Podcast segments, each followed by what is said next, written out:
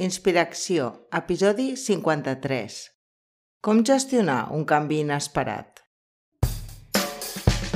Estàs escoltant Inspiració, un podcast d'idees i propostes inspiradores per passar l'acció i crear la vida que vols. El meu nom és Mònica Segovia i l'objectiu d'aquest programa és compartir tot el que he après els darrers anys i segueixo aprenent cada dia en aquesta escola anomenada vida. Benvinguts a Inspiració.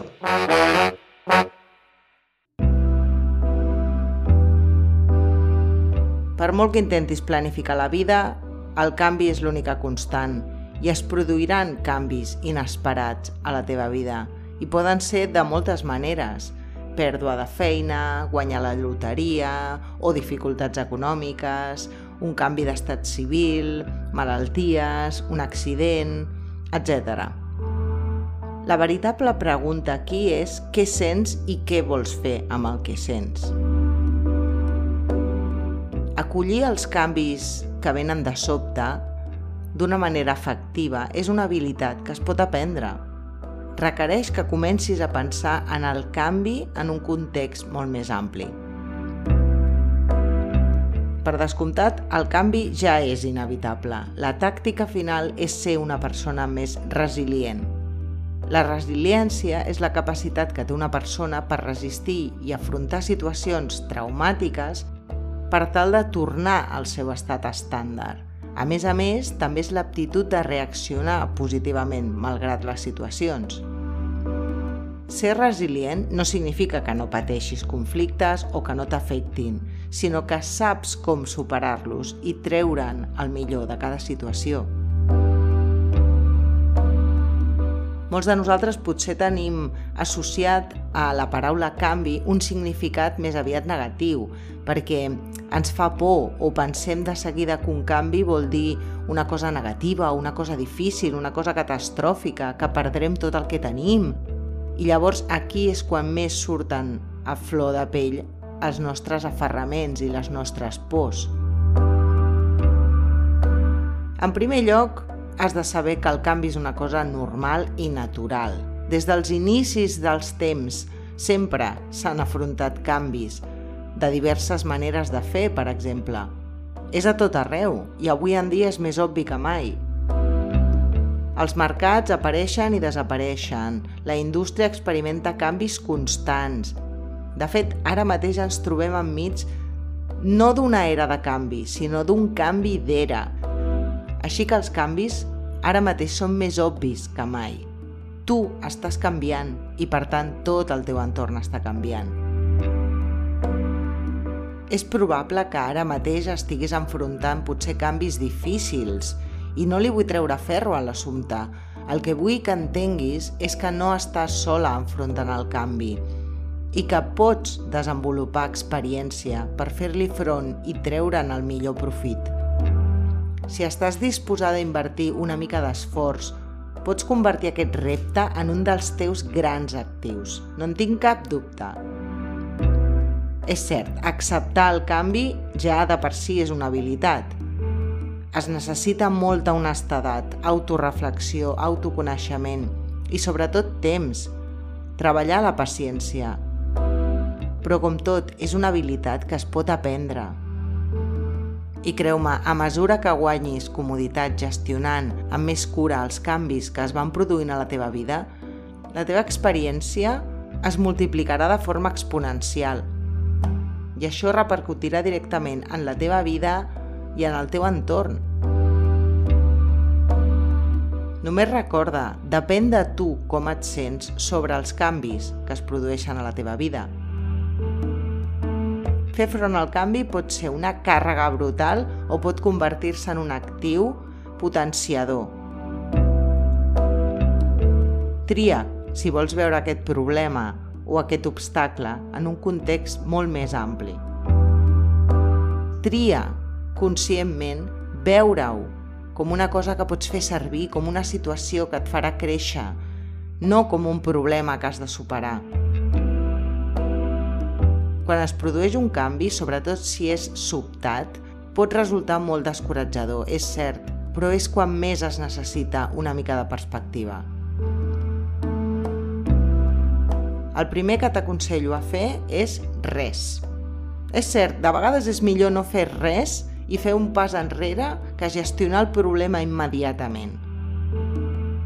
I pot ser que no sigui un problema, fins i tot. Inclús si et toqués la loteria, també t'aconsello que el primer que facis és res. La majoria de vegades ens penedim més d'haver actuat per impulsos que no haver parat. Així que aquí tens una norma. No prenguis decisions importants com a mínim durant 48 hores. Deixa que les emocions tornin a la normalitat. Deixa que flueixin pel teu cos. No reprimeixis absolutament res. No et deixis endur pels teus impulsos més primaris d'entrada. Atura't, respira, deixa fluir tot el que sentis. Sense jutjar, sense criticar, sense mirar el rellotge, fins que tornis a un estat natural.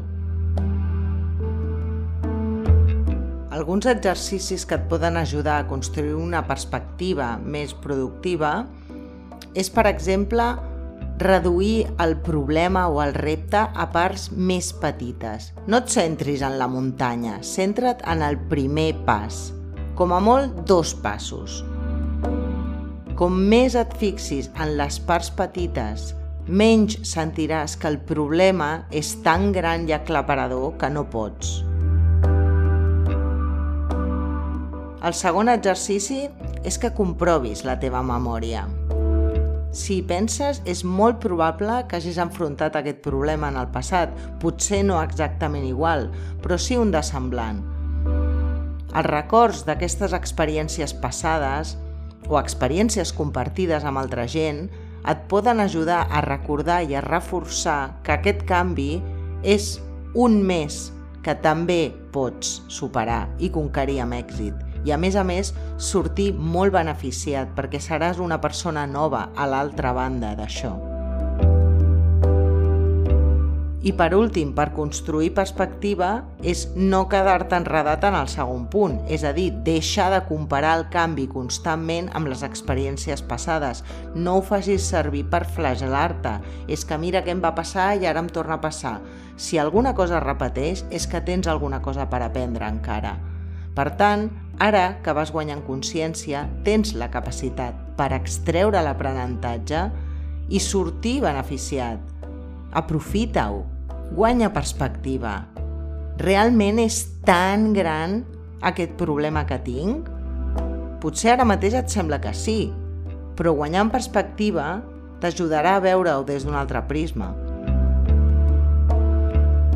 Amb el pas del temps, les persones que accepten els canvis es basen eficaçment en la seva capacitat de resiliència. I això fa referència directa a l'empoderament d'un mateix i a la capacitat de recuperar-se davant dels reptes. I la bona notícia és que, si vols, pots construir o millorar la teva capacitat de resiliència. La realitat és que no hi ha sentiments acceptables o no acceptables. No podem negar l'existència del que genera a dins nostre. El més recomanable és aprendre a reconèixer i a gestionar aquests sentiments i aquestes emocions. Primer de tot, veure si són productius o no pel nostre benestar, si ens ajuden a tenir més claredat per veure la millor opció. I si no, posar en marxa formes efectives per intentar limitar la seva influència. Per potenciar la resiliència, cal aprendre a identificar, acceptar i gestionar les emocions que sentim. I aquí l'autoconeixement és clau. És important tenir clar que no són les situacions en si mateixes les que defineixen les emocions, sinó la valoració, el significat personal que fem de cada situació. Et convido a que comencis a veure cada dia tot el que passi des d'una perspectiva d'oportunitat. Davant de les dificultats, pots triar ser víctima de les circumstàncies o veure les situacions com reptes per millorar i créixer. El meu consell és que aquesta elecció formi part de la teva rutina cada dia, cada matí, només que posis els peus fora del llit. triar ser més positiu té beneficis mentals reals. Ajuda a la presa de decisions i evita perspectives negatives improductives, a part d'estrès, ansietat, depressió... Sé que és impossible estar positiu al 100% del temps, però els petits canvis són poderosos. Només quan fas una elecció diària conscient, les teves probabilitats milloraran. El següent pas consisteix en fer-te conscient de que ets molt més que la teva identitat, que el teu ego. Si, per exemple, durant molts anys has estat dins d'un personatge que tenia una feina determinada o una relació amorosa amb una persona o una situació econòmica concreta i t'has identificat amb això, quan el canvi sobtat t'ho trenca tot, és normal sentir-te perdut i sentir que ja no saps qui ets perquè t'havies identificat amb això. Prendre consciència de que tu ets molt més que això, de que ets l'energia que ho engloba tot. Encara que ara mateix et sentis vulnerable, aquestes vivències que estàs experimentant poden afavorir el concepte sobre tu mateix i les pròpies capacitats, cosa que et portarà a apreciar aspectes de la vida als quals potser abans no paraves atenció i fins i tot descobriràs coses sobre tu que no sabies. Un altre consell, que potser pot sonar clàssic, però no per això deixa de ser més cert, és tenir present les teves habilitats i les teves virtuts.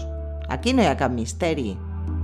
Atura't periòdicament durant el dia, inclús posa't una alarma al mòbil si fa falta i reflexiona sobre moltes coses per les quals sentir-te agraït a la teva vida ara mateix, en el moment present.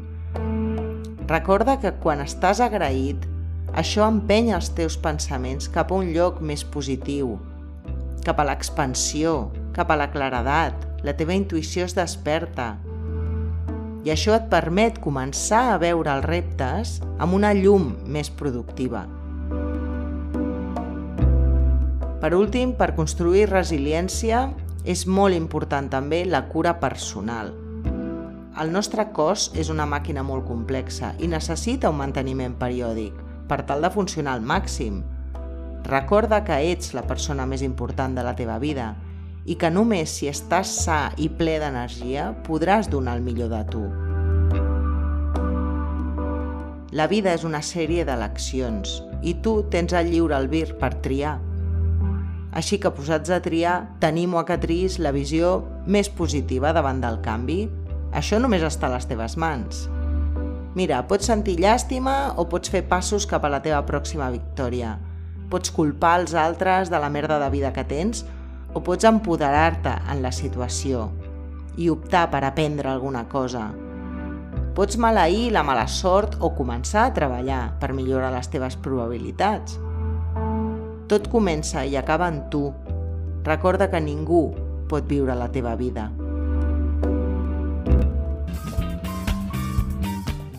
Ens trobem al proper episodi. Una abraçada!